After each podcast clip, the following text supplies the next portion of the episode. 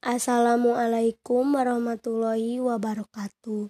Halo teman-teman, perkenalkan nama saya Elsa Purwanti dengan NIM 11921000019. Saya dari jurusan Pendidikan Islam Anak Usia Dini Fakultas Tarbiyah dan Keguruan UIN Sunan Gunung Jati Bandung.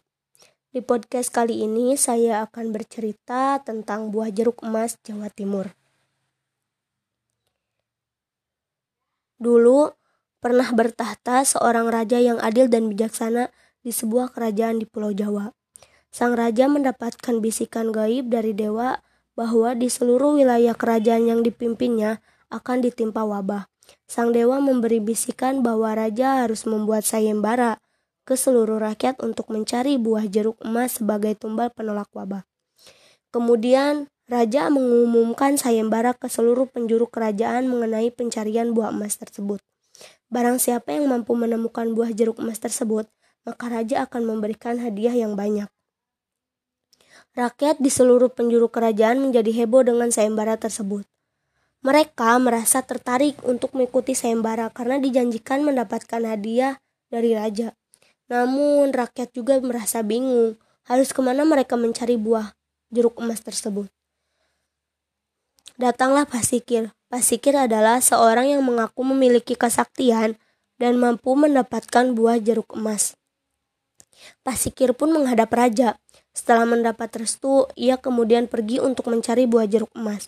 Karena kesaktiannya, tanpa waktu lama, Pasikir berhasil mendapatkan buah jeruk emas.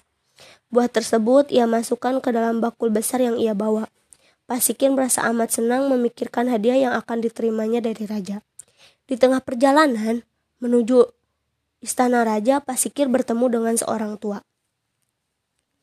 Apa yang engkau bawa dalam bakulmu itu? Tanya orang tua tersebut. Oh, ini hanyalah pasir, jawab Pasikir berbohong. Oh begitu, kata Patua sambil menganggukkan kepalanya. Baiklah, teruskan perjalananmu, kata Patua lagi.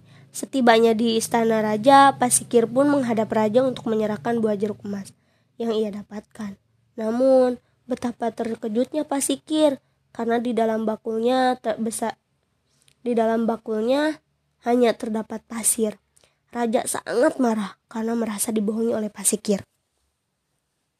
Kemudian menghadap orang lain kepada raja untuk menyampaikan kesanggupannya mendapatkan buah jeruk emas.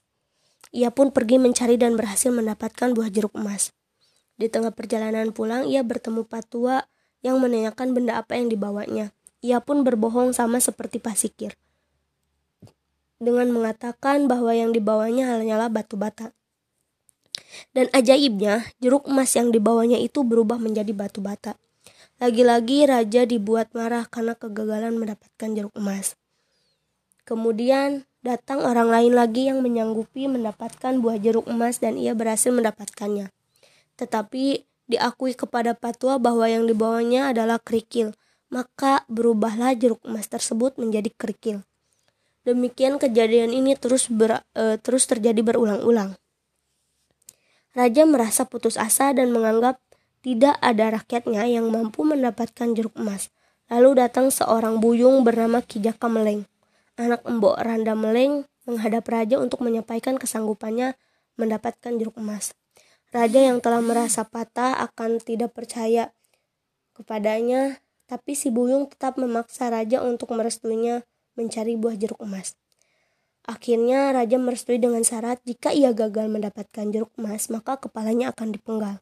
Si Buyung setuju. Kijaka kemudian pergi mencari emas dan akhirnya berhasil mendapatkannya.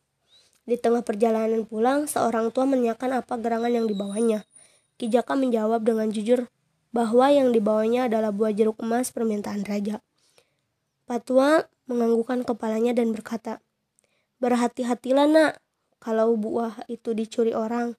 Setibanya di kerajaan, Kijaka menyerahkan buah jeruk emas kepada raja.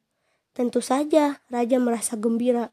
Si Buyung berhasil menjalankan tugasnya untuk menyelamatkan kerajaan di wabah, da, e, menyelamatkan kerajaan dari wabah. Raja akhirnya memenuhi janjinya dengan memberikan hadiah-hadiah, bahkan memberikan jabatan bupati kepada Kijaka. Demikian cerita mengenai buah jeruk emas. Kurang dan lebihnya mohon maafkan. Wassalamualaikum warahmatullahi wabarakatuh.